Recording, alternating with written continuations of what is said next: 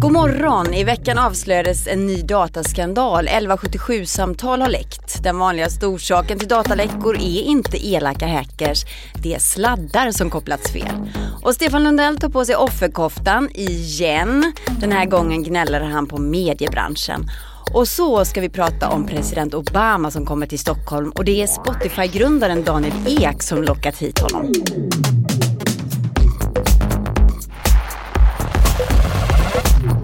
Det är fredagen den 22 februari och du lyssnar på Breakits podcast. Katarina Andersson heter jag och i den här podden tar vi varje fredag fasta på några av veckans mest intressanta nyheter.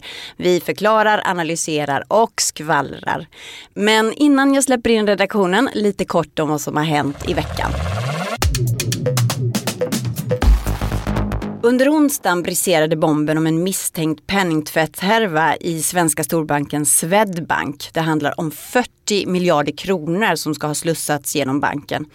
Avslöjandet fick bankens aktie att rasa, det största raset sedan finanskrisen. Och Uppdrag granskning fortsätter att granska Swedbank nästa vecka. Ett nytt bakslag hotar de småsparare som investerat via Tessin, en crowdfundingplattform med fokus på fastigheter. 17 miljoner har nämligen investerats i ett projekt som drivs av fastighetsbolaget Senergy. Och Senergy riskerar nu konkurs. Pengarna är slut och företaget har gått in i en rekonstruktion. Nya pengar krävs för att företaget ska överleva. Den snabbväxande e-handlaren Lyko har haft ett turbulent halvår med två chefsavhopp. Men i veckan kom ett styrkebesked. Under fjärde kvartalet 2018 lyckades bolaget vända till vinst på 3,4 miljoner kronor. Det kan jämföras med en förlust på 14,8 miljoner för samma period 2017. Hallå hallå! Stefan Lundell heter jag, har grundat Breakit och eh, ska nu meddela att vi sponsras i den här podden av ett bolag som heter Stablehost. De erbjuder supermoderna lösningar för webbhotell. Och nu får du som ny kund på Stablehost 50% rabatt på just webbhotell om du hoppar på det nu. Men du får inte bara den här grymma rabatten. Du får också tillgång till eh, blixtsnabb laddtid, obegränsat med trafik och servrar med riktigt, riktigt stabil kvalitet och det vill man ju ha. Sen kan du faktiskt välja på vilket av deras många datacenter runt om i världen som du vill lagra din hemsida, vilket också kan vara bra i de här datasäkerhetstiderna.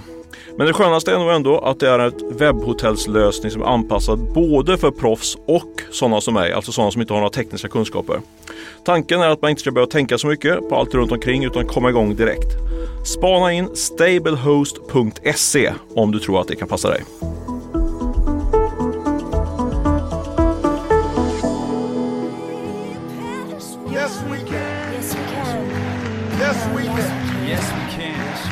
Yes, we can.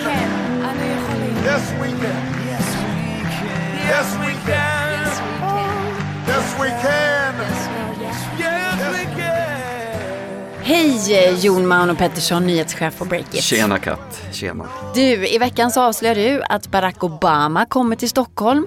Han är ju toppenkap för Daniel Eks techkonferens Brilliant Minds i eh, juni. Och där blir Obama alltså en av huvudtalarna då. Hur fick du nys om den här storyn? För det var du som breakade. Mm, ja, men jag fick ett tips från en ganska bra källa som hade fått höra att det var klart och att det faktiskt hade lagts upp på deras nya sajt lite så här i smyg. Jaha. Så det, låg, det var liksom inget stort gräv direkt, det var mer att jag tog mig in på sajten och kunde bekräfta att nyheten var där så att säga.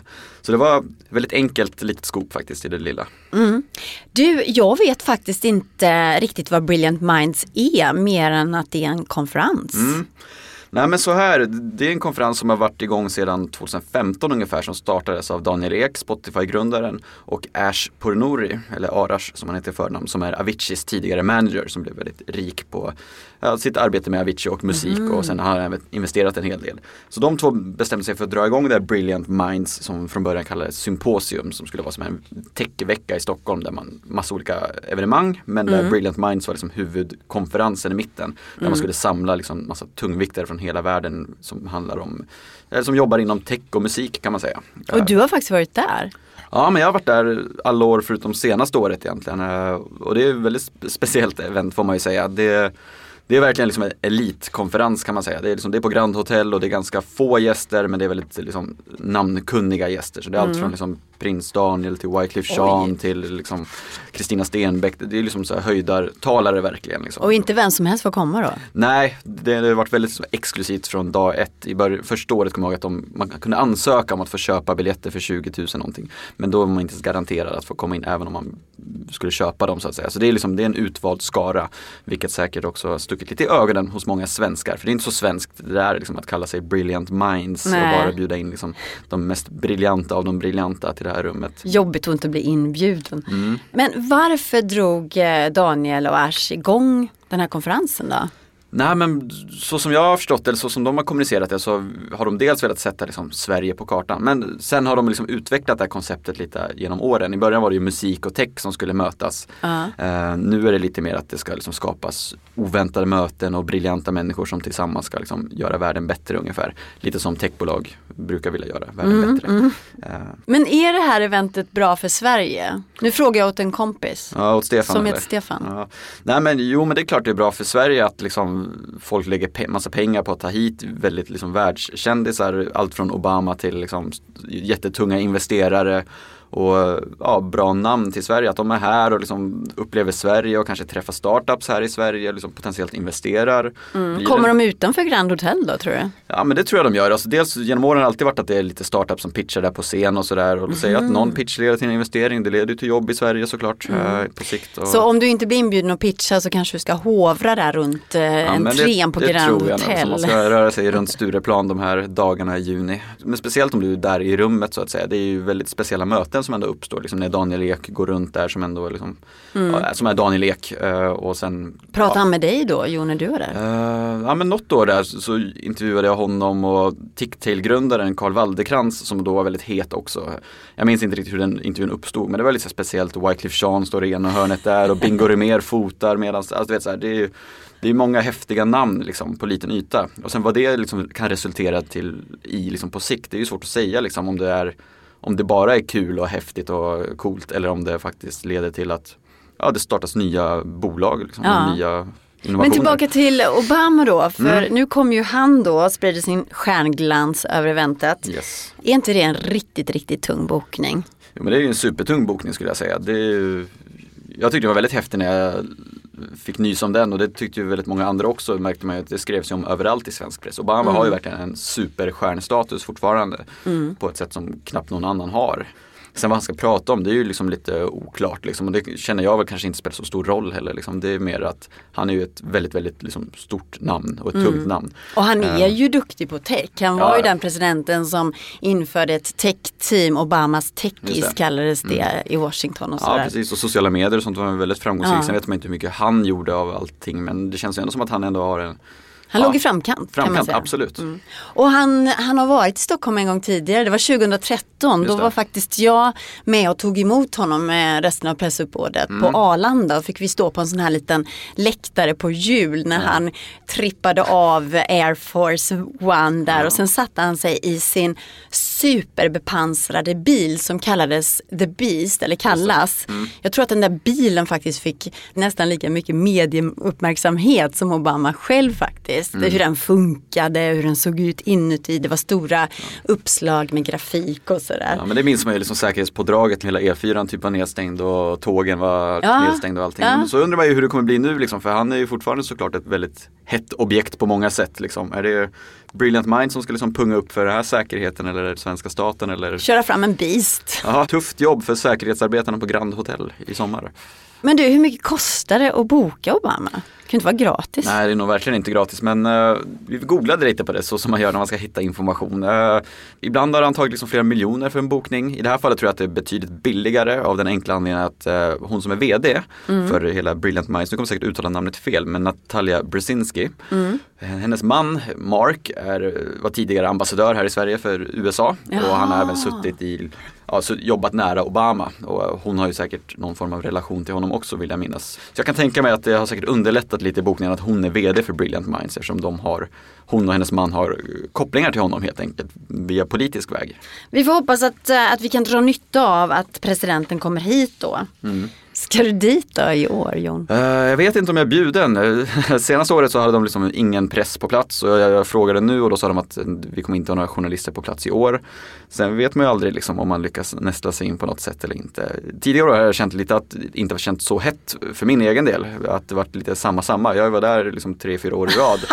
Nej, men, same same. Lite så var det faktiskt. Nu låter men stöddig. Exakt, men nu är ju Obama där så nu vill man ju verkligen komma dit.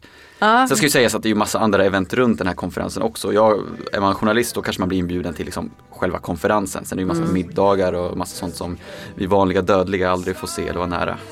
Nej men försök att komma så nära som möjligt och sen kommer du tillbaka till podden ja, och, ska, och rapporterar. Jag ska klä ut mig till någon och sen bara smita in. Det kan gå. Det kan gå.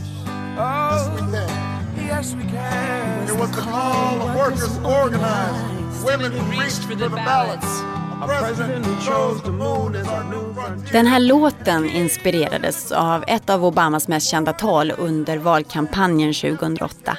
Will I Am producerade och en lång rad artister som Scarlett Johansson och John Legend ställde upp under inspelningen.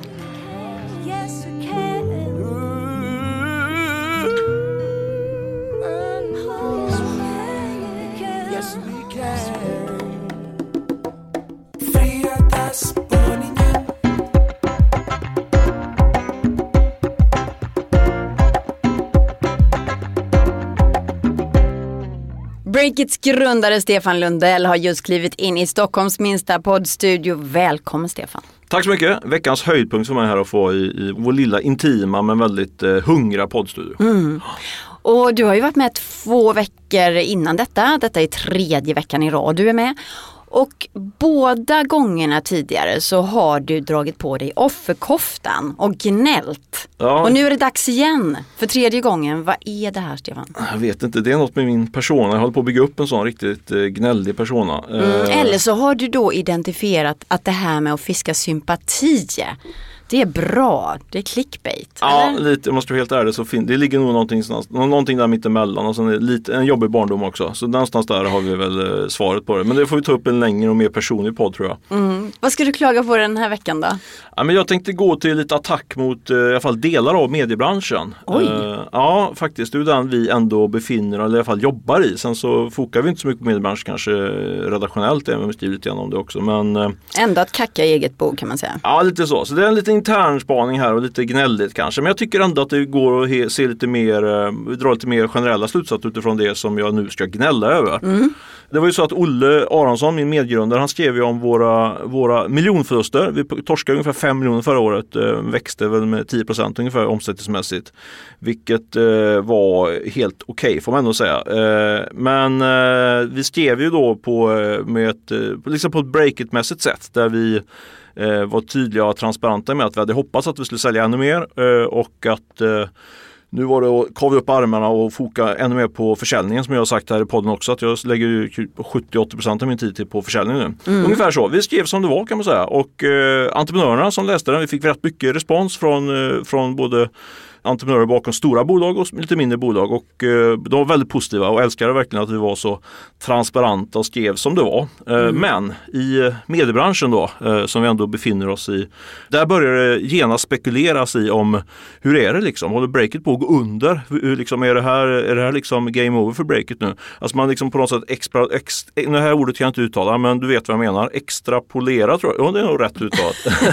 alltså man drar ut linjen och tittar, oj det går så här dåligt nu. Så, och eh, hur går det då i framtiden? Kommer det nog finnas några pengar kvar? Typ så. Mm. Eh, men det där var dåligt eh, tycker jag av flera skäl. Vilka Jaha. då undrar du kanske? Ja, dåligt för Sverige antagligen. Ja, men kanske inte den här gången för dåligt. Jo, men lite dåligt för Sverige. Alltså, för, för det första så tycker jag att då fler ska måste kunna prata om sånt som inte går så bra, som inte går så 100% okej. Okay. För det är mm. ju som är, om vi nu fokar på just med entreprenörskap, så handlar det ju om att vägen fram till, till, ett, till en framgång kantas utav misslyckanden skulle jag säga gjort, mm. Jag tror hon har gjort eh, minst 100 intervjuer med framgångsrika entreprenörer. Kanske ännu mer eh, än så. Eh, minst sa jag i och för sig, så det blir en mer än 100 ja.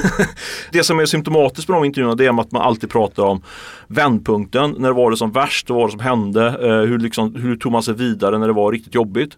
Och sen slutar det då med att det, ändå, att, att det slutar bra så att säga. Mm. Så min poäng är så här att det är, eh, allas företagarliv kantas av eh, mer eller mindre stora misslyckanden.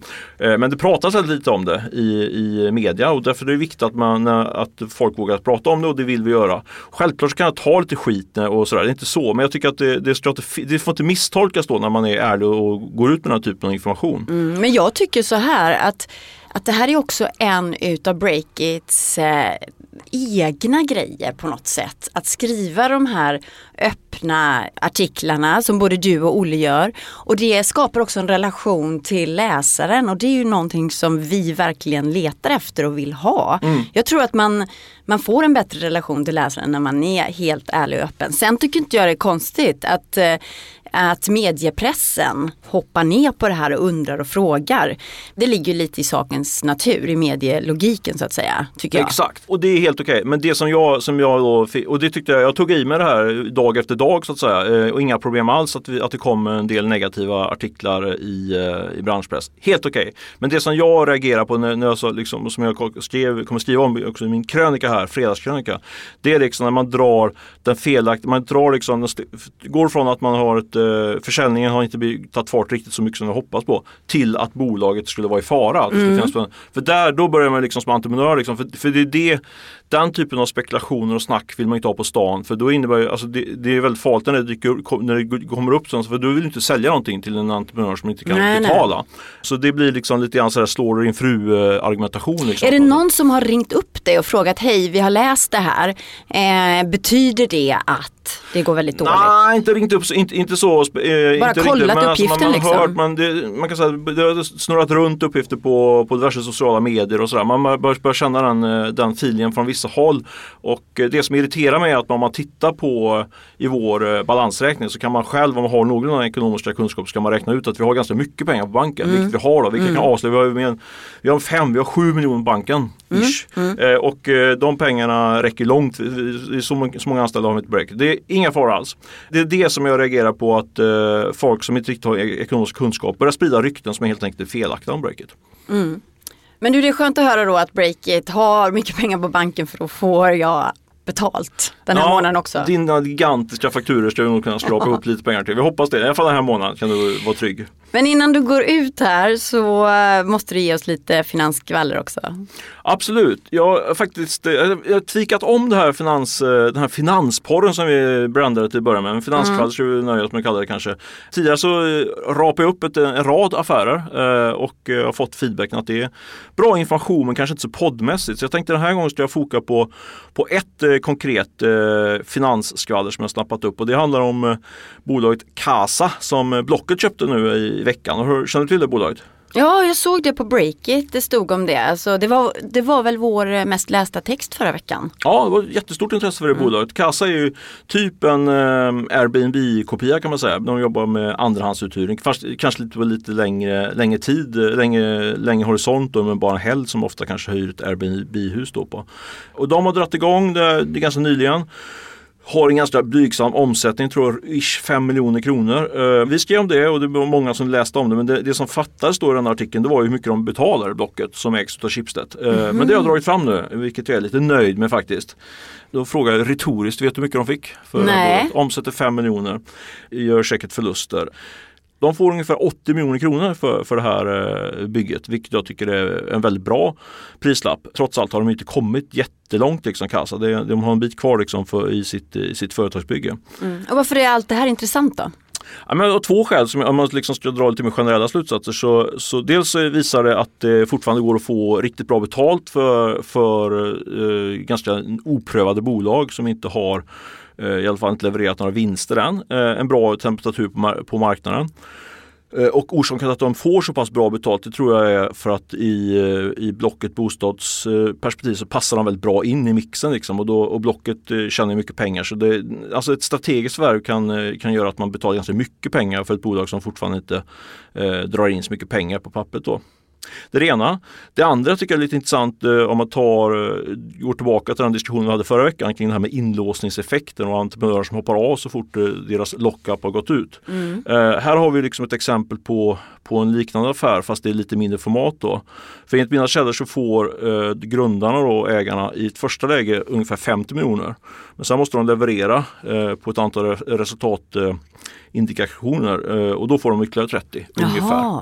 Så en liksom morot där. Ja men absolut, så det är ett typ, ett typexempel på hur man lägger upp sådana här affärer. Så då kan man kanske räkna med att grundarna eh, drar efter inlåsning om jag får rätt. Som Mm. jag eh, spådde förra, förra veckan. Då. Hörru, varmt tack för den här spaningen. Tackar, den här tackar. veckan. Ja. Nästa vecka är du på sportlov. Då blir Ja. det inte någon Stefan Lundell i podden. Nej, vi får se om vi lyckas lura in Olle Aronsson i poddstudion. Annars så får ni klara det utan eh, några, några Breakit-grundare i podden eh, den veckan.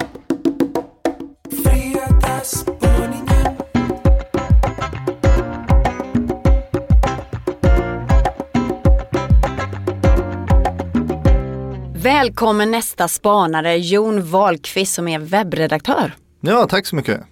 Du, i början av veckan så avslöjade Computer Sweden att flera miljoner samtal till 1177 Vårdguiden hade läckt. Vem som helst kunde alltså lyssna på de här privata och kanske väldigt känsliga telefonsamtalen mellan inringare och sjuksköterskor då, på nätet. Först då Jon, hur kunde det bli så här? Vad var det som var felet?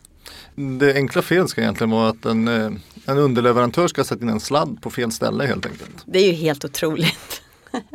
Det låter ju väldigt, väldigt konstigt och också ganska läskigt såklart. Reaktionen har blivit väldigt kraftig och det beror ju förmodligen på att det handlar just om sjukvård och att det här är ju någonting som är väldigt privat. Vi vill ju inte liksom att hela världen ska sitta med när vi diskuterar våra krämpor med läkaren eller på vårdcentralen. Sådär. Och du, eh, du började tänka efter lite extra efter det här. Och du skrev också en krönika om det. Ja precis, för man är ju lite sig själv närmast hela tiden. Och jag började liksom fundera på, är jag drabbad av det här på något sätt? Som läkarson ringer jag aldrig till sjukvården egentligen. Nej, Så du har en ju- egen privat 1177. Ja, inte riktigt så, utan jag, jag, jag läker ut kan man säga. Men däremot så funderade jag på, jag har ju barn, så när jag hade lämnat barnen på förskola och skola häromdagen, då började jag räkna. Hur många system är det egentligen som jag lämnar information i? Och eh, vid nio tiden ungefär när jag var inne på jobbet så insåg jag att det var ju enormt många. Eh, Då hade jag varit inne och lämnat eh, uppgifter till skolan Mm. om eh, eh, ja, sånt man eh, kommunicerar med skolan om. Försäkringskassan, jag hade berättat för SL när jag blippade mitt kort. Ja. Och sen när jag kom in på jobbet då blippade jag en till blipp för att komma in. Det är ju ganska mycket info man lämnar ut egentligen. Mm, och då var klockan bara nio. Men, så du började känna obehag över hur mycket systemen kände till om dig. Men det här kan ju inte vara något nytt för dig Jon som, som har rapporterat från en techsajt i många år. Nej, nej alltså det, det är ju inget nytt egentligen. Så här. Eh, och eh, man måste ju säga att alla de här systemen gör ju hela mitt liv mycket lättare. Men alla de här systemen bygger ju på att vi litar på att de funkar. Och att eh, den här kommunikationen faktiskt stannar där den är och inte sprids vind för våg. Liksom. Men sprids den vind för våg då? Ja men uppenbarligen hade ju 1177 Vårdguiden inte någon koll på det här. Som sagt vi litar ju på att den inte sprids.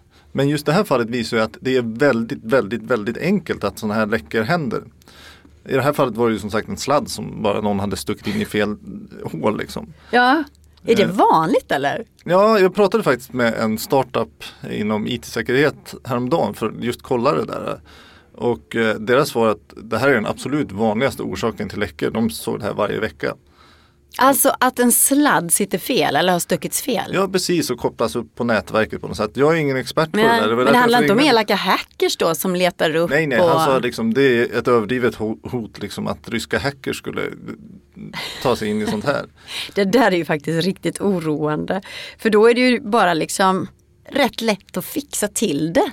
Eller så. Det är bara att inte göra fel om man säger. Ja, Men det precis. kanske inte är så himla enkelt. Men vad är, vad är hela din eh, slutsats av det här då? Alltså en sån här läcka kommer ju liksom inte stjälpa hela den digitala utvecklingen eller ja, jag har ju väldigt svårt att säga att man lägger ner eh, Vårdguiden alltså, Mm. för det här.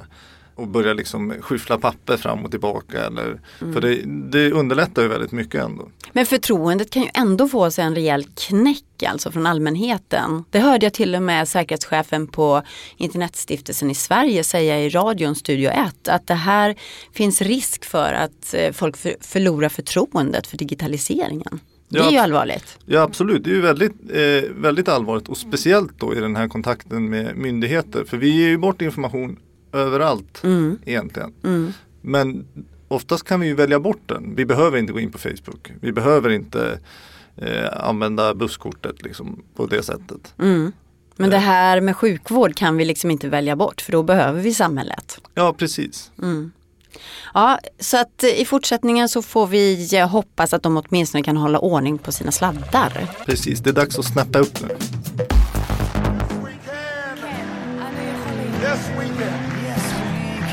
Yes, we can.